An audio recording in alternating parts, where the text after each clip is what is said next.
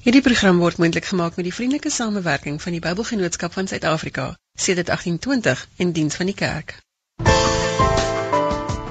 Ryk kruis en dwars uit met ons splinternuwe Afrikaanse uitreik Bybel in 1983 vertaling teen slegs R35. Hierdie reeks sagte band Bybels gee 'n hele nuwe betekenis aan uitreike en evangelisasiewerk. Ook beskikbaar in Engels, Zulu en Xhosa. Dis goeie nuus vir almal, vir altyd. Skakel 021 910 8734 vir meer inligting of besoek ons webtuiste by bybelgenootskap.co.za.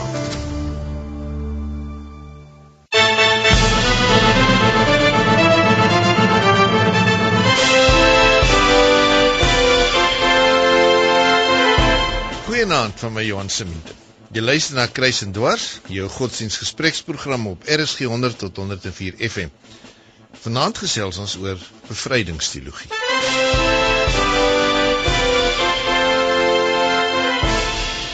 Baie welkom by ons regstreekse uitsending van Kruis en Dwars. By my ateljee het ons vir Dr. Fritz Kraam. Goeienaand Fritz. Naand Johan. En dan het ek ook vir 'n narratiewe terapeut Dr. Netjie Spies om die tafel. Hallo Netjie en baie welkom by vanaand se gesprek. Dankie Johan. En dan het ons vir Dr. Ellen Boesak wat vir telefoon by ons aansluit. Ellen, dis lekker dat jy by ons is. Welkom by vanaand se program. Dankie Johan, lekker om weer met jou te praat en met die luisteraars. En hallo Fritz en Netjie. Die ANC vier sy 100ste bestaanjaar hierdie jaar en ons het dit goed gedink om 'n bietjie te gaan kyk na die rol van bevrydingsteologie, veral so wat dit in Suid-Afrika gespeel het. Nou Fritz, as ek reg het, die die evangelie van Christus is 'n boodskap van vryheid. En dit is 'n belangrike instrument in die rol tot bevryding. En hierdie essensiële waarheid het in die 20ste eeu 'n bietjie meer aandag gekry as wat dit heel waarskynlik in vorige eeue gekry het. Waar kom bevrydingsteologie vandaan? Ja, Johan, eintlik word iemand soos Bartolomé de las Casas uh, wat al daar so van 17 van 1474 tot 1566 geleef het word hy beskou as die vader in 'n sekere sin dan van bevrydingsteologie. Nou die uh, dit is so dat daardie tyd het hy hy's in Spanje gebore en hy het opgetree veral in die FSA waar hy dit gehad het teen die uh, koloniste later tyd in die koloniste se hantering van die indiane en die onbillikheid en die onreg wat hy daarin gesien het. Maar die eintlike begin van bevrydingsteologie soos ons dit vandag ken was daar in 1968 in 'n uh, tydens 'n konferensie van biskoppe in Kolombie.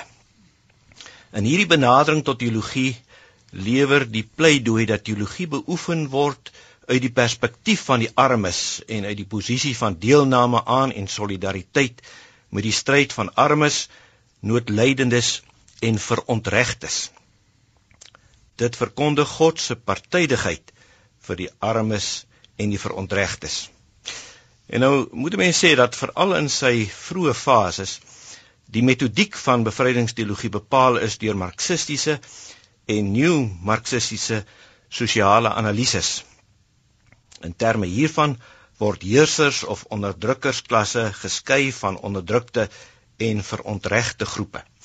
Nou bekendes in die uh bevrydingsteologie era uh wat dan eintlik in Suid-Amerika uh in 'n groot mate ontstaan het is Gustavo Merino Gutierrez wat uh in 1928 gebore is, so hy sal uh nou 'n bietjie in sy 80's en dan ook uh Bonino en Bof en Alwas en Miranda en Sagundu.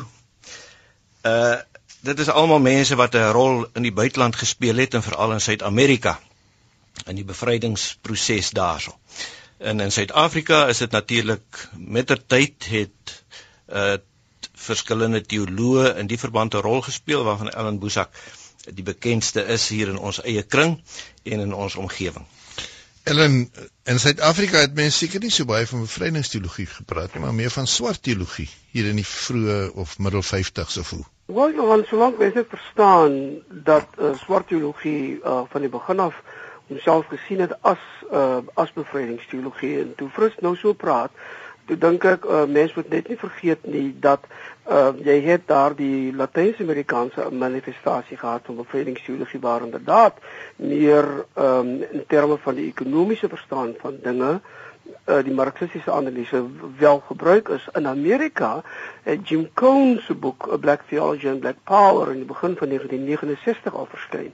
So het jy al die tweede manifestasie waar die aksent baie sterk op die rasse kwessie geval het en op rasseonderdrukking en bevryding dus ehm um, wat nie so seer uh, of so baie van 'n marxistiese analise gebruik gemaak het. In Suid-Afrika het ons 'n bietjie 'n kombinasie van alles gehad ten aansien van die sosio-ekonomiese en die rasse ding.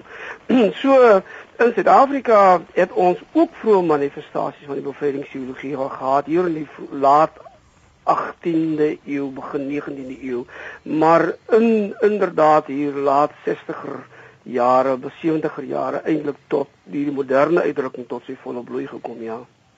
En jou eie betrokkeheid daarbey het wanneer begin, sal jy min of nee. meer sê? Dit het eintlik begin op teologiese gronde hier in die jare 70. Ek kyk daar was natuurlik daai rudimentêre goed wat 'n mens geleer het wat ek veral beginne ontdek het. Ehm um, een by na my ontmoeting met Ombeno D en ons gesprekke oor die teologie van apartheid en die verantwoordelikheid van die kerk om dit uh, te verstaan en aan die kaak te stel. En ons eie ervaring ehm um, waarvoor ek geen teologiese uitdrukking kon vind nie van wie my opleiding daai jare. En toe na my studies uh toe ek in Holland en daar was by my natuurlik die kombinasie van beide die die bevrydingsteologie uit Latyn-Amerika en Noord-Amerika maar veral uh ook my uh konfrontasie met mense soos Bonhoeffer um, en veral dan Calvin die manier waarop ek Calvin gelees het wat ek dan nou nog vandag sê as 'n bietjie van 'n radikale Calvinisme. En daar vir my eie bevrydingsteologie is 'n kombinasie van daai radikale Calvinisme en die bevrydingsteologiese argumente. Ons gaan nou nou terugkom na Fritz die brand om vir jou iets te vra, maar ek gaan eers vir Nikkie sê, ons het dus 'n bietjie gekyk na die oorsprong van van bevrydingsteologie ook sy plek in Suid-Afrika. Ek dink wat baie belangrik of langsom geloop het was feministiese teologie. Wanneer sou jy sê daai wortels begin en hoe het dit ontwikkel en in Suid-Afrika tereggekom? Ehm um, wie of uh, uh Johan, ek dink dat dit is hier eers hier regtig staanplek gekry oor sy hier vanaf die 80e jare. Voor die tyd al begin, maar eers regtig staanplek gekry in 80 jare in Amerika en ook in 'n mate in in um, die um, Londen, daai area, Engeland. Maar in Suid-Afrika um, was dit uh, maar enkelinge want vrouens het eenvoudig nie 'n stem gehad in die teologie nie. Um, mense herinner jou aan mense soos professor Jolanda Dreyer, ehm um, Christina Landman, professor Christina Landman en dan nou iemand soos ehm um, professor Denise Ackerman. So dit was ehm um, baie meer geïsoleerd ehm um, die beweging rondom feminisme in teologie en ek dink ons begin nou eers regtig stiekrag kry. Wel ek hoop ons kry nou stiekrag. So ehm um, daar was baie eh, laat ek laat ek dit so uitdruk. Ek dink daar was baie vroue en tot 'n mate 'n uh, uh, mans wat probeer het om verandering te bring. Uh, maar as mens gaan kyk het wat gebeur op voetsoolvlakke gemeentes, was dit nie daar nie. Maar ek dink ons begin nou nader na daai punt toe te be beweeg waar ons daai beweging gaan kry. Selfs in die Engelse gemeenskap was dit nie 'n ja. vroeë verskynsel nie, nee. Alhoewel nee. jy vroeër geordenis ja. gekry het, maar dit was nog altyd 'n ja. stryd of hoe. Ja, heeltemal. Kyk jou jou jou in teologie was was die patriargale um, stem, die manlike stem nog altyd en steeds dominant geweest. Fritz, ek sien jy brand, jy wil vir Ellen iets sê of opmerk opmerking maak. Ja, ek wou net vir Ellen vra. Ellen, die uh, teologie van die revolusie het ook daar in die jare 60 eintlik ontstaan, blykbaar 'n konferensie in in Praag. En so rukkie later dan nou is die naam bevrydingsteologie ook gebruik. Nou die teologie van die revolusie het uiteindelik ook voorstander gewees van 'n gewelddadige optrede om vir die armes uh, en die verontregtes te gemoed te kom en 'n geregverdige samelewing daar te stel. Uh hoe sien jy jouself ten opsigte van die teologie van die revolusie? Die rol is baie duidelik vir dat die die teologie van die revolusie het homself gebaseer op die teorie van die geregverdigde oorlog wat die kerke al die jare sedert Konstantin voorgestaan het en al in deur Augustyn en mense Augustinus en mense soos daai verfyn is oor die jare heen En die argument is as jy as kerk 'n uh, begrip kon hê en 'n voorstander kon wees van 'n uh, teorie van uh oorlog, dan moet jy ook begrip kan hê vir 'n teologie van die revolusie. Dis die twee elemente, 'n soort van uh geloop. Ek het altyd van die begin af ek wil nie sê instinktief nie, uh maar ek was nooit gemaklik met geweldsdenke en die regverdiging van geweld. Ek was altyd baie meer beïndruk deur uh, die houding van Jesus wat ek as 'n geweldlose houding uh beskou het. 'n revolusionêr en skerp en en en profeties maar geweldloos en baie meer onder die indruk van die houding van die vroeë kerk in die eerste 3 eeue voor die Konstantynse periode waar die kerk uh duidelik gesê het dat ons sal nie 'n swaard in ons hand neem nie uh in navolging van Jesus. So ehm um, ek ek ek het daardie ongemak met my saamgedra beide in my eie begrip van die bevrydingsteologie en ook in my politiek. Ehm um, en ek staan vandag nog eintlik daarby ehm um, in my beoordeling nou oor wat op die oomblik byvoorbeeld gebeur in Noord-Afrika en in die Midde-Ooste met die met die met die Arabie met die Arabiese lente en so voort. Was my groot besorgdheid ehm um, die manier waarop daar ehm um, so gewelddadig omgegaan word en dat mense dan uiteindelik ook gewelddadig reageer op regering. So ja, ek ek ek het altyd maar 'n baie sterk gevoel daarteenoor gehad en wat ek sien vandag het my argumente eintlik en my oortuiging sterker gemaak Frits as as selfs in daai jare toe ons self in die branding van die stryd gestaan het.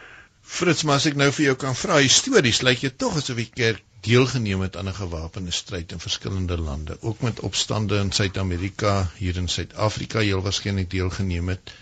Uh so jou vraag aan aan Ellen, jou eie beskouing daaroor? Ja, dit is dit is steeds 'n 'n groot vraag. Ek is baie bly oor Ellen se antwoord nou want dit is inderdaad so dat by geleentheid sou daar gevoel kon word nee, maar die kerk moet ook dan nou nie nee sê vir 'n sterk weerstand, selfs 'n gewelddadige weerstand teen onreg en die voortsetting van 'n onregverdige bewind nie. Maar dit bly steeds 'n baie groot probleem. En ook dit is dit is van die groot kritiek natuurlik teen Beyers nou die dat hy in 'n stadium dan tog indirek betrokke was daarbey dat daar daar nou 'n gewelddadige opstand uh, eintlik dit in 'n sekere sin gesteun het al was dit indirek. Maar dit is dit is 'n baie problematiese situasie as dit so is dat die enigste weg om van 'n onregverdige bewind ontslae te raak is om in opstand te kom teen daardie bewind dan word dit 'n groot probleem wat hoe jy as Christen moet optree. Ellen, as ek vir jou kan vra, jy het eintlik dink ek in gereformeerde kringe die term burgerlike ongehoorsaamheid bekend gemaak. Nou burgerlike ongehoorsaamheid in daai sin beteken dan volgens jou ook nie gewelddadige aanslag nie, maar as 'n omstandigheid net so onmenslik raak, dan moet mens op een of ander manier tog opstaan. Jou ook jou kontak met Bonhoeffer. Het dit jou beïnvloed in in daai sin? Het my beïnvloed. Uh uh definitief Martin Luther King het my beïnvloed. Gandhi het my beïnvloed. Ek ehm um, jy moet jy moet jy moet opstaan en ons het burgerlike ongehoorsaamheid spesifiek uh voorgehou as 'n geweldlose metode as 'n alternatief vir gewelddadige opstand dat ons byvoorbeeld destyds vir die studente gesê het in plaas van dat jy oor die grens gaan en 'n geweer optel of leer om 'n bom te maak, uh, uh, leer liewer hoe kan ons kreatiewe metodes gebruik om die regering op ander maniere onder druk te plaas um, om so liewer dan die verandering in Suid-Afrika te bevorder. Maar uh, uh, Fritz is reg, dit is nie 'n maklike saak nie en en en en mens moet God nie dink dat jy dit met simplistiese argumente kan oplos nie. En ek wil ook net vinnig sê want ek het, ek wou dit vir Nikki sê. Nikki ek is heeltemal met jou eens oor oor die bevrydingsteologie en die vroue en en een van die dinge wat die bevrydingsteologie tereg in die begin verwyd is is dat ons het alle aandag gegee op die arms mm. en op rapte mm. onderdrukking en so voort. Maar die onderdrukking van die vrou byvoorbeeld het ons nie raak gesien nie tot baie laat in die 70er jare en begin van die 80er jare. So daai verwyte is nie net teen die kerk in die algemeen nie, daai verwyte is spesifiek ook geslinger en kan geslinger word teen daai eerste vorme van bevrydingsteologie. Ja, ek stem saam uh, Ellen wat vir my wat ek dink mens moet net 'n heeltyd daai onderskeid in jou in jou eie kop hou is wanneer ons praat by uh, van bevrydings um, teologie en die vordering wat hulle gemaak het, moet ons nie onmiddellik aanvaar dat dieselfde vordering gemaak is met die feministiese teologie nie. En ehm um, die manier wat ons kerke veral in Suid-Afrika en in die 80 jaar en ek praat nou spesifiek van die ehm um, Afrikaanssprekende in die in die wit kerke in Suid-Afrika. Die manier hoe hulle die gesinsstrukture voorgehou het vir ons het juis ehm um, die onderdrukking van die vrou nog meer in die hand gewerk. Ehm um, ek dink die swart bevolking ehm um, moontlik daai vroue was meer aktief betrokke by hulle bevrydingstyd maar rondom 'n rassebevryding en klasbevryding nie noodwendig rondom vroue se bevryding nie. Alhoewel die vroue baie sterk bestand standpunt ingeneem het soos met die paswette en en en daai tipe goed waar hulle regtig ehm um, voorgeloop het waar ons ehm um, veral ons Afrikaans blanke vroue absoluut stemloos was en amper totaal onbewus was van hulle ehm um, dat hulle self ook kan mobiliseer en um, um, in opstand kom teen hoe hulle hanteer is. Maar Nikki, ek wil jous vir jou vra want jy sou graag 'n doop nie wou geword het, maar in jou tyd ja. lyk dit my was die moontlikheid skraal. Ja, dit daar was vir my basies gesê dat ek sou kon gaan teologie studeer, maar ek sou nooit in 'n gemeente geplaas word as vrou nie. Maar wie jy um, ons vier nou al 20 jaar wat vroue um, spesifiek in die NG Kerk dan nou toegelaat word om om om dominees te raak en die amp bevestig te word, maar volgens die um, Nederduitse Gereformeerde Kerk se jaarboek van 2011 is daar net um, 68 vrouens in Suid-Afrika um, in in die amp. Nou vra mens jouself af hoekom? Dit is minder as 5%. So hoe ver het ons regtig nou al gevorder met um feminisme en die bevryding van die vrou binne die kerk en binne die kerk se amptelike strukture? Ek deel graag met julle hierdie storie. Ek was 'n maar nog altyd iemand wat die um, strukture aangevat het. En ons was in Barberton in um, en in 1993 was ek baie ver swanger geweest met my my dogter en ek vat toe die kerkraad aan hoekom is daar geen vroulike ouderling nie? En hoekom mag dit net ouer mans wees en so het dit toe nou ook gebeur dat is dat ek as 'n hoogswanger jong vrou as die eerste ouderling in die Bawertonse gemeente in die am bevestig was. Wel, dit sê iets.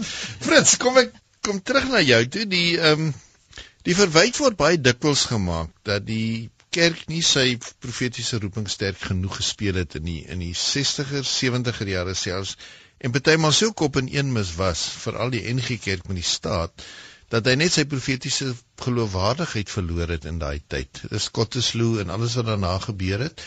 Jy was in daai tyd redelik betrokke in die kerklike leiding. Hoe kyk jy nou terug op daai periode? Johan, eh, 'n baie belangrike saak wat mense net steeds moet onthou. Tussen Kottesloe uh 1960 en uh Rustenburg in 1990 het baie water in die see geloop, maar het in die NG Kerk steeds ook 'n groot worsteling plaasgevind. Dit is nie asof die NG Kerk nou die saak eenkant gelaat het nie. Ongelukkig baie ander dinge wat uh, nie die teologie as sodanig uh, baie ander dinge is op die agtergrond geskuif en dit net in 'n groot mate gegaan net om net om samelewingskwessies, net om apartheid en die regverdiging daarvan en die teenkanting daarvan, dit daarteen. Uh, dit het 'n geweldige rol gespeel in daardie jare in die NG Kerk. En uiteindelik en dit is net vreeslik belangrik dat dit mense dit moet onthou. Die NG Kerk se kerk en samelewing van 1986 het 'n groot tree weggegee van apartheid en die regverdiging daarvan. Daar was deur die jare baie mense wat dit natuurlik teengestaan het in die NG Kerk en dit uitdruklik gesê het. Daar was daardie stryd, daardie worsteling. Maar in 1986 is daar weggedoen daarmee met daardie regverdiging daarvan. In 1990 het die tweede standpuntstelling gekom, Kerk en Samelewing in 1990.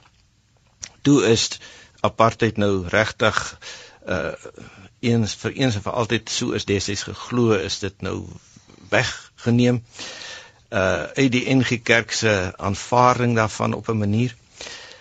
Uh en die NG Kerk het 'n rol gespeel Johan in die jare wat daar regtig 'n verandering in Suid-Afrika gekom het wat miskien soms 'n bietjie gering geskat word. Jy weet dit is baie belangrik om te onthou in die jaar toe president Nelson Mandela president van Suid-Afrika geword het. Het hy die eerste regerings- en staatshoof geword wat 'n NG Kerk algemene sinode toegespreek het.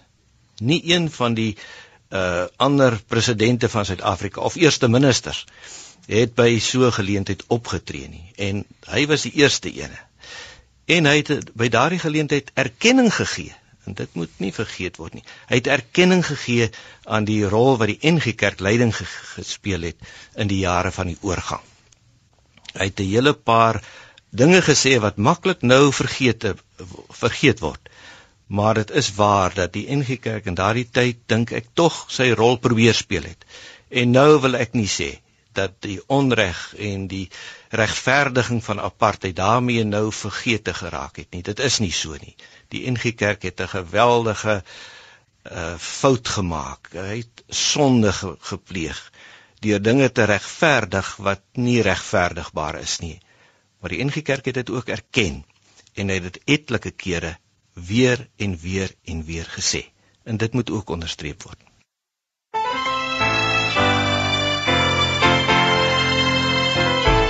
Jy luister na RSG en die program is Kruis en Dwars. Saam met my ateljee is Dr. Fritz Kaum, Dr. Nikki Spies en Dr. Ellen Boesak. En ons gesels oor bevrydingsteologie en die rol wat dit in Suid-Afrika gespeel het. Julle kan deelneem aan die gesprek deur vir ons te e-pos by navra@kruisendwars.co.za. Ek herhaal gou, navra@kruisendwars1woord.co.za. Ons luister na Handelsflits en dan gesels ons weer verder.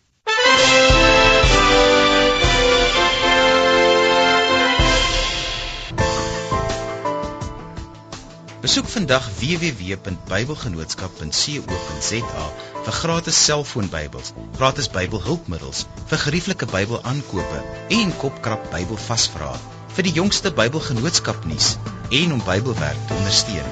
Klik vandag nog op bybelgenootskap.co.za. Raak betrokke en maak 'n verskil.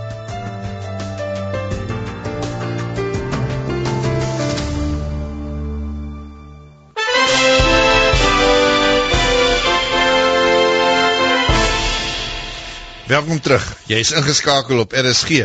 En vanaand in Kruisend Dwars gesels ons oor die rol van die bevrydingsteologie in Suid-Afrika. My gaste is Dr Ellen Boesak, Dr Nikki Spies en Dr Fritz Gam. U kan self ook deelneem aan die gesprek deur vir ons te e-pos by navraag@kruisendwars.co.za. Ons het ons gesprek afgesluit waarin Dr Gam gesê dat die NG Kerk 'n rol gespeel het waarin hy tog sy bes gedoen het om sy foute bely en te erken Ellen kry kerke dit maklik reg om te erken dat hulle in die verlede verkeerd was. Dis eintlik tog mos ons taal om te sê ons is altyd in 'n verkeerde laan. Wel, kerke kry dit nie so maklik reg nie. Dit is 'n baie moeilike ding vir kerke om te doen. Kerke in daai gedaante moet jy maar onthou, dis nodes met dominees uh en daai ouer mondelike ouderlinge.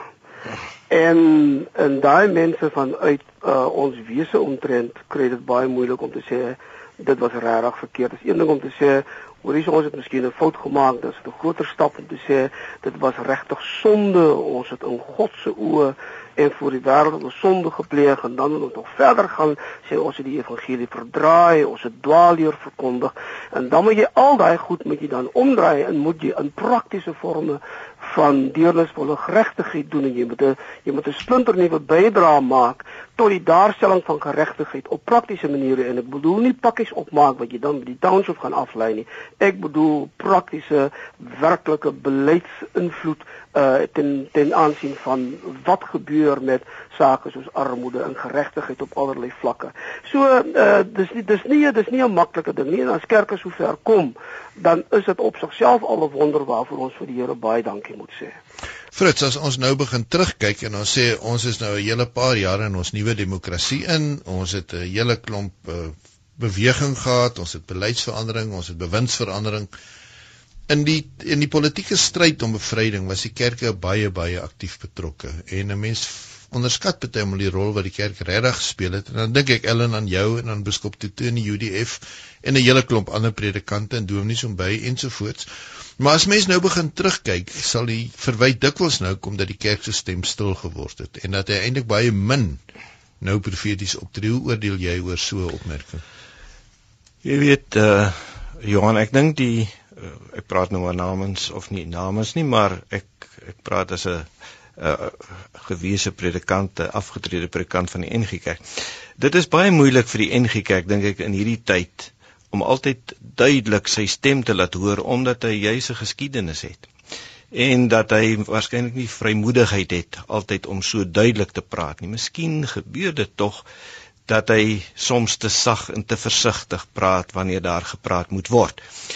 Maar ek glo regtig dat daar in die NG Kerk uh, by name dan 'n uh, 'n uh, gesindheidsverandering plaasgevind het die afgelope jare dat daar heeltemal 'n nuwe benadering is ook ten opsigte van sy synodes dat daar regtig 'n ander ander manier van van dink is selfs en die feit dat die algemene synode van die NG Kerk verlede jaar eintlik ja gesê het vir die belydenis van Bellar ek dink dit is 'n geweldige stap. Ek weet nie of 'n mens altyd besef van waar ons kom tot by die punt dat die NG Kerk se algemene sinode dit kon gesê het nie. En daaroor moet 'n mens baie baie dankbaar wees dink ek. En dit wil sê dat dat daar vordering is, dat daar groei is. Maar nou sien ek daar by die parlement byvoorbeeld is daar nou groot plakkaat daar by die uh Katolieke kerk wat dig by die parlement staan wat hulle sê waarom 'n mens dan nou nee moet sê vir die huidige vorm van die inligtingwet wat 'n bietjie 'n probleem is. En dan uh, dan dink het ek al gewonder sou dit nie wees dat die NG Kerk dit by die groot kerk ook so 'n plakkaat kon opsit nie. Uh, dan het ek gedink maar miskien is daar tog 'n beskroomdheid om dit in hierdie stadium te doen. Maar Ellen, jy self was 'n julle was 'n bietjie gedisillusioneerd deur die kerk. Nee, nie soos hierdie ingekeerd nie, maar in die kerkverband waarin jy gestaan het en ek dink jy sou self sê die kerk kan 'n aktiewe rol speel. Antwoord vir my baie vinnig want ons eposse begin inrol en ek wil baie graag vir die paneel van die vrae laat dien. Wel, kyk, uh, ek ek sou net eenvoudig vinnig sê dat die kerke het definitief veral na 1994 in 'n groot stilte verval. Ons was nie naaste by. Ek praat oor van die kerke wat wat in die bevrydingstyd gestaan het. Ek los nou die NG Kerk eers uit. Ons was nie naaste by so duidelik en so helder en so profeties soos wat ons was um, in die jare uh van die apartheidstryd nie. En en 'n mens moet dit sê en en ek sê dit tot ons skaamte en ons kom traag tot op die punt waar ons ehm uh, die vroue ehm uh, uh, hulle geleentheid gee om hulle eie stryd vir geregtigheid binne die kerk sonder enige hindernis uh, te kan speel en waarby ons vir die vroue sê sê vir ons wat ons moet doen. Ons is glad nie by die kwessie waar ons vir gay mense kan sê uh, julle staan in die volle bevryding van God se lig en van God se genade.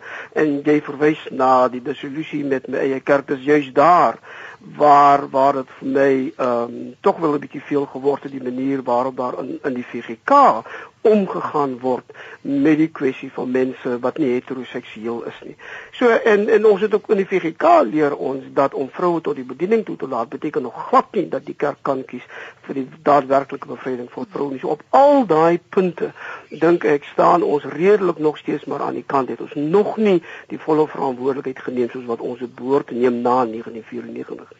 In die verband het ons jy's 'n baie interessante e-pos ontvang van Jan Groblaar wat by die paneel sê ek sal graag wil weet wat dink die paneel rondom die rol wat bevrydingsteologie kan speel binne die gay debat en wat byvoorbeeld die bydrae van die belydenis van Beller kan wees veral nou binne die NG Kerk met die proses van aanvaarding daarvan.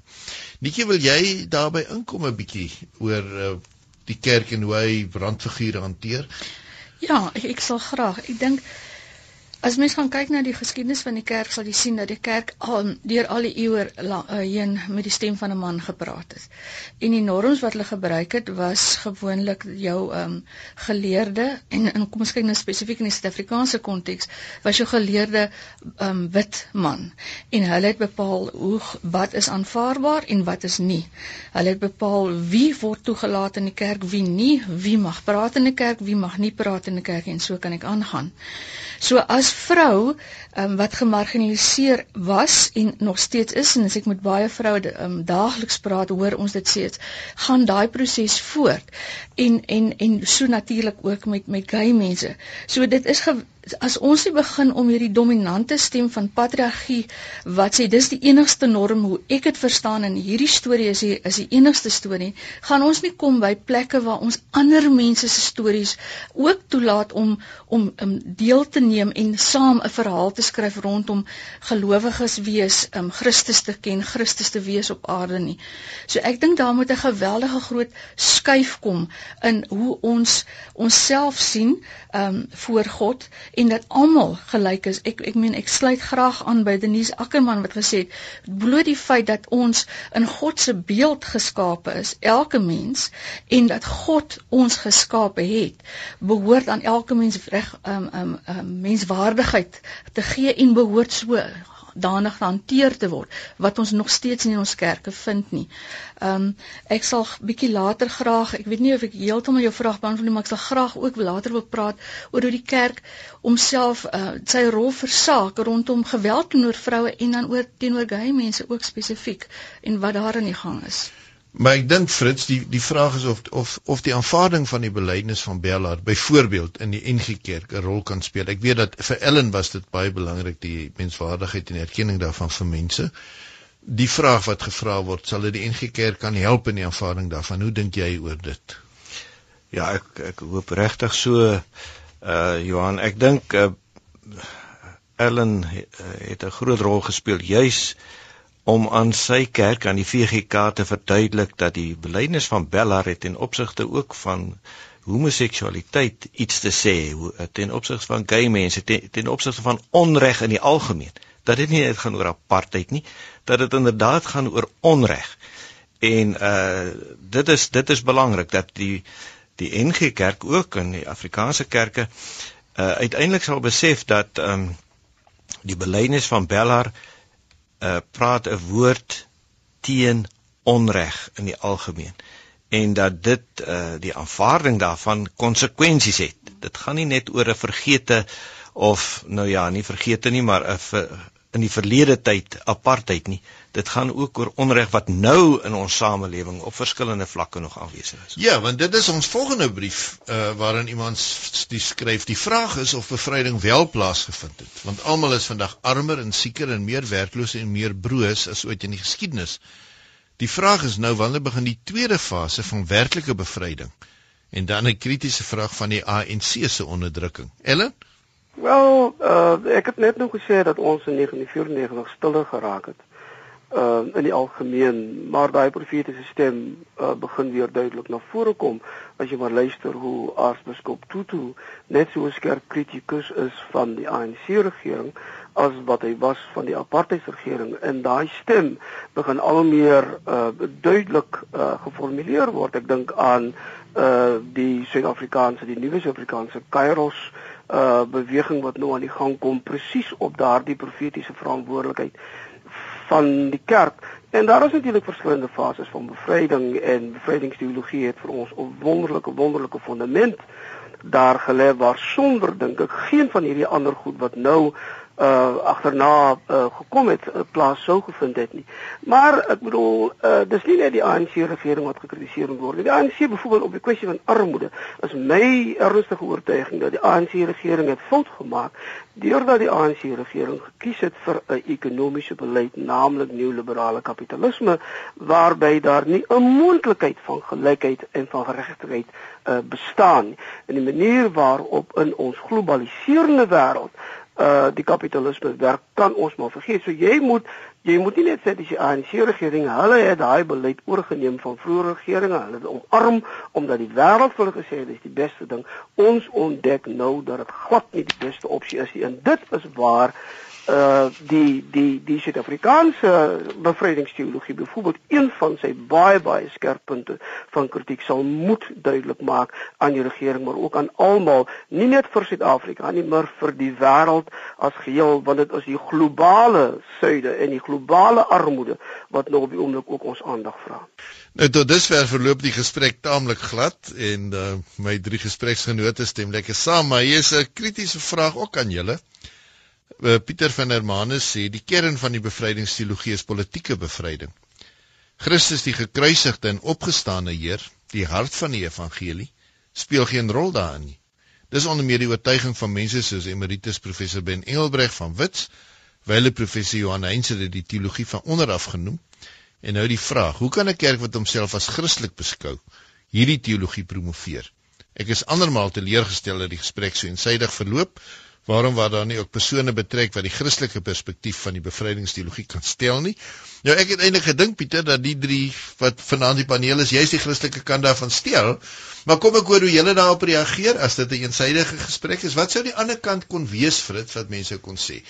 Dat die persoonlike saligmaking kant 'n uh, bietjie verwaarloos word en mense net na strukture kyk of anders sou jy op die vraag van Pieter wil antwoord?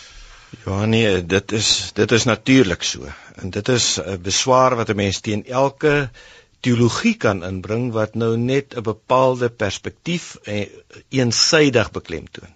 En dit geld nou sekerlik vir die bevrydingsteologie, dit geld vir feministiese teologie, dit geld vir elke teorie teologie.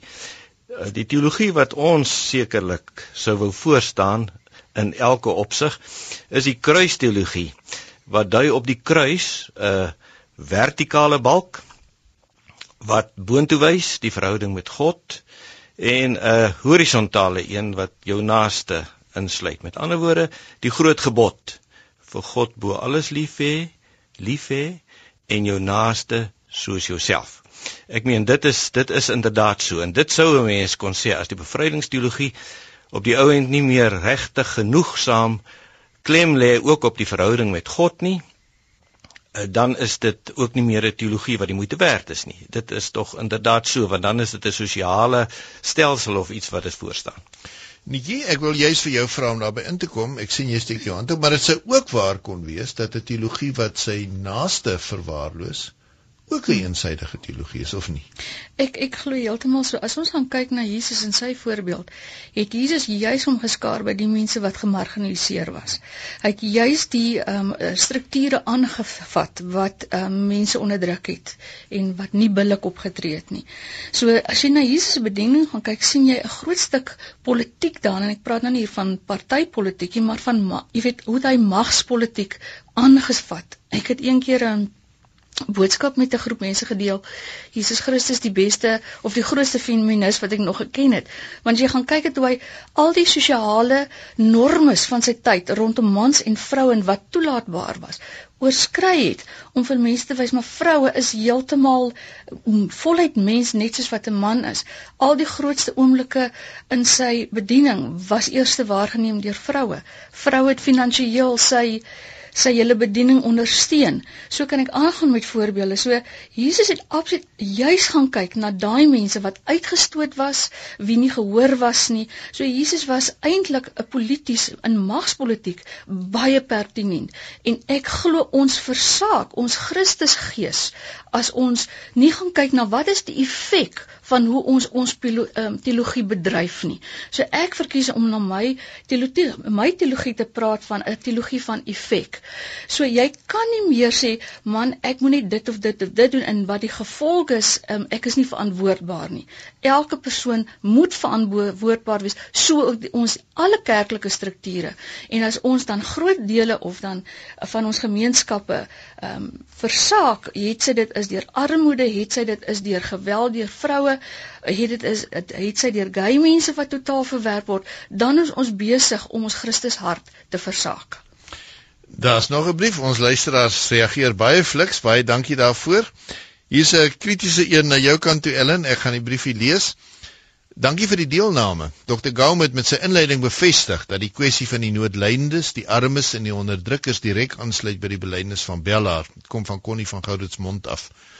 Daarom ook dat Dr. Boesak die bevrydingsteologie gebruik as deel van die Bellaar belydenis. Uh, Dr. Boesak ontken ook geweld, maar onthou hy nie sy UDF se optrede nie. Nou Ellen, dit is ou geskiedenis en ek weet dit is goed wat jy elke dag van jou lewe mee gekonfronteer word.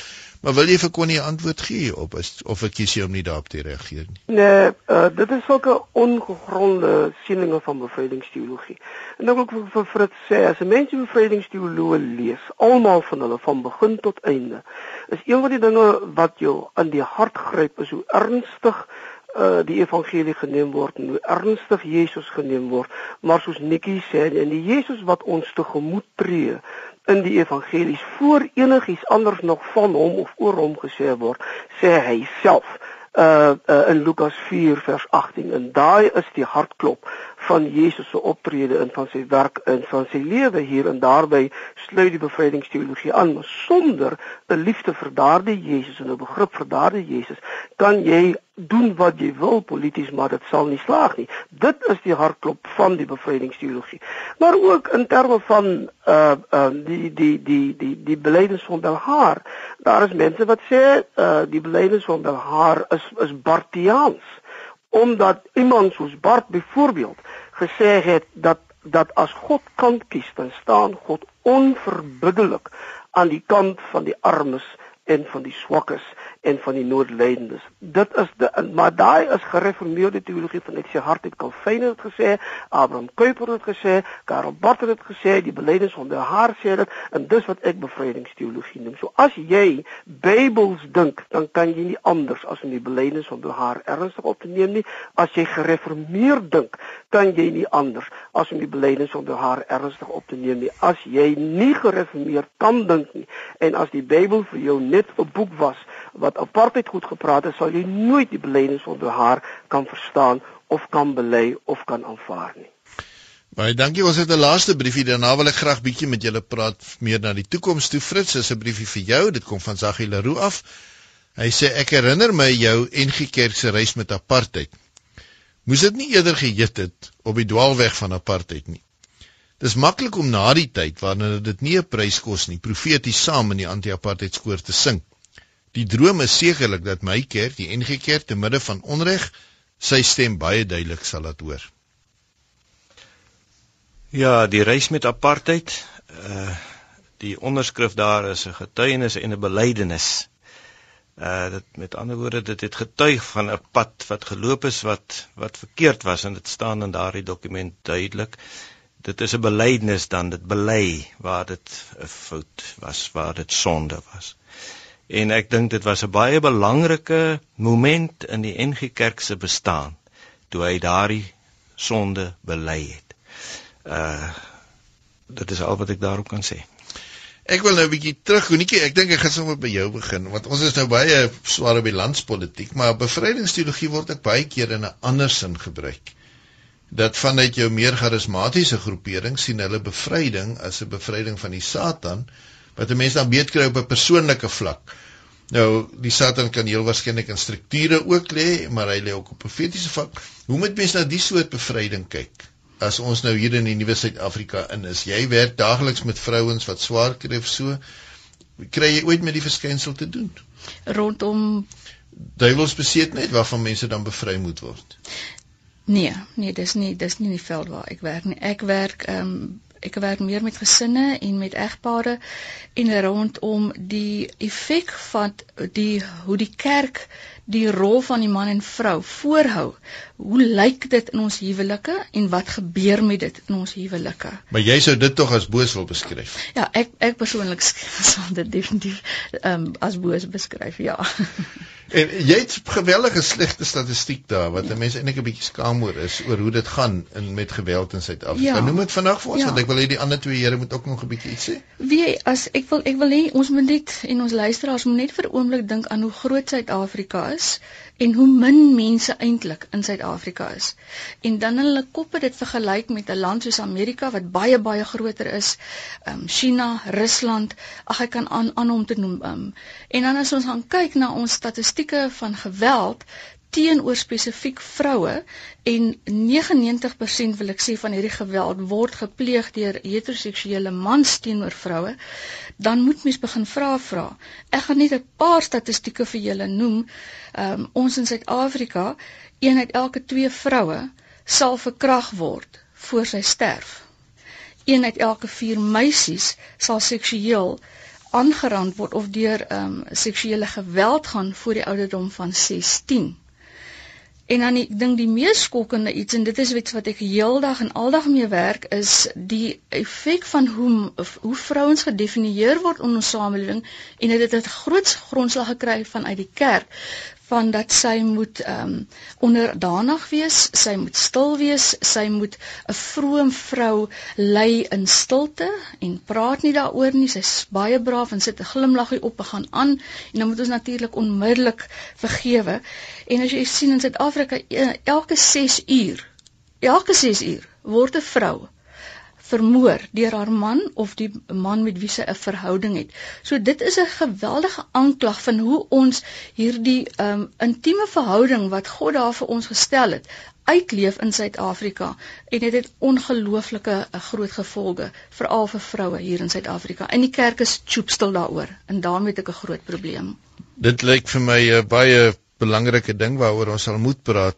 Frits, as ek vir jou kan vra, as jy vir die kerk sê ons is nou deur 'n hele klompe jare van ons nuwe bestel, wat is die taak van die kerk nou?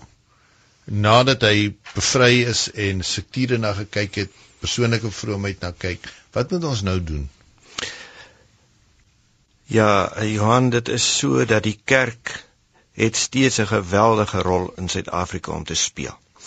Dit is so dat deesdae word van baie kringe uh die kerk eintlik deur sommige afgeskryf. Daar is kritiek teen die kerk. Ek lees juis nou weer Willem de Klerk se boek van 'n klompe jare die vreemde God en sy mense waarin hy destyds al geskryf het en gesê het watter kritiek daar in die in die gemeenskap is teen die kerk dat die kerk dikwels afgeskryf word. Maar ek glo dat die kerk steeds 'n groot rol het om te speel. As in 'n bepaalde sin uh die verteenwoordiger van die Here op aarde. Uh ons is almal deel van die kerk en dit is belangrik dat mense dit moet onthou. Wie is die kerk? Dis nie net die sinodes nie, dit is juis ook ek. Ek elkeen van ons is deel van die liggaam van Christus, is deel van die kerk.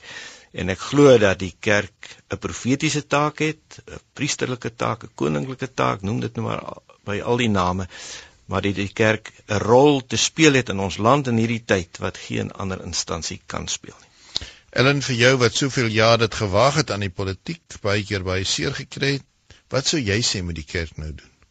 Wel, die kerk moet uh, begin deur te sê ons is die kerk in die wêreld en dis die wêreld uh, wat God liefhet. En dit staan baie baie duidelik in Johannes 3 vers 16 en en dis ons vertrekpunt. Dit is die wêreld soos wat hy bestaan met hierdie ellende en hierdie verskriklike goed waarvan Nikki nou net gepraat het. En die kerk moet begin deur te sê ons aandadigheid daaraan mag ons nie meer verdoesel of wegpraat of verekskuseer nie.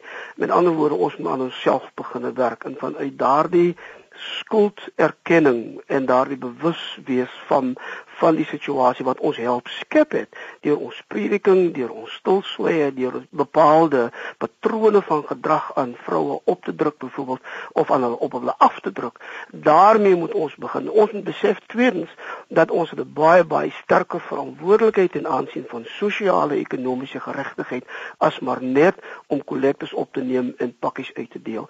Daarmee moet ons besef ons het 'n baie baie sterk verantwoordelikheid teenoor uh die die persone wat met politieke mag sit en wat in regeringskringe sit en dat hulle moet baie baie duidelik aangespreek word en dat die kerk vir hulle moet sê ons is gewillig om met julle saam te werk waar julle ernstig en werklik en eg soek na geregtigheid maar waar julle dit mistas daar sal ons dit ook vir julle sê.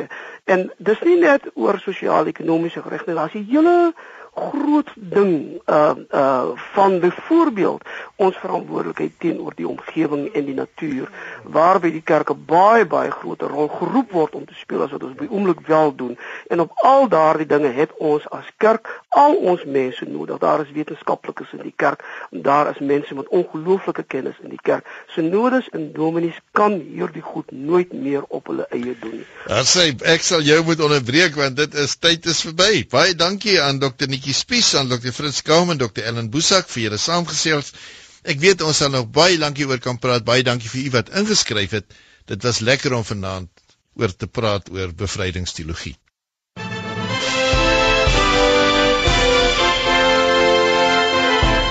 Nou groet ek namens ons produksieregisseur Neil Roo en ons programregisseur Lisel de Bruin. Agter die mikrofoon was ek Johan Simenten.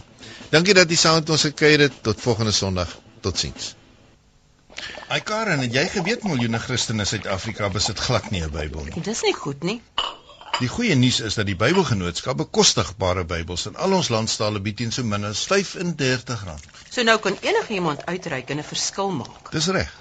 Skakel die Bybelgenootskap by 021 910 8734 of besoek ons webwerf by bybelgenootskap.co.za vir meer inligting oor ons volledige reeks Bybels. Dis nou goeie nuus vir almal. Ja, vir altyd. Hierdie program is moontlik gemaak met die vriendelike samewerking van die Bybelgenootskap van Suid-Afrika, die uitgewer van die Bybel in jou taal. Die program is versorg deur Wordwise Digital.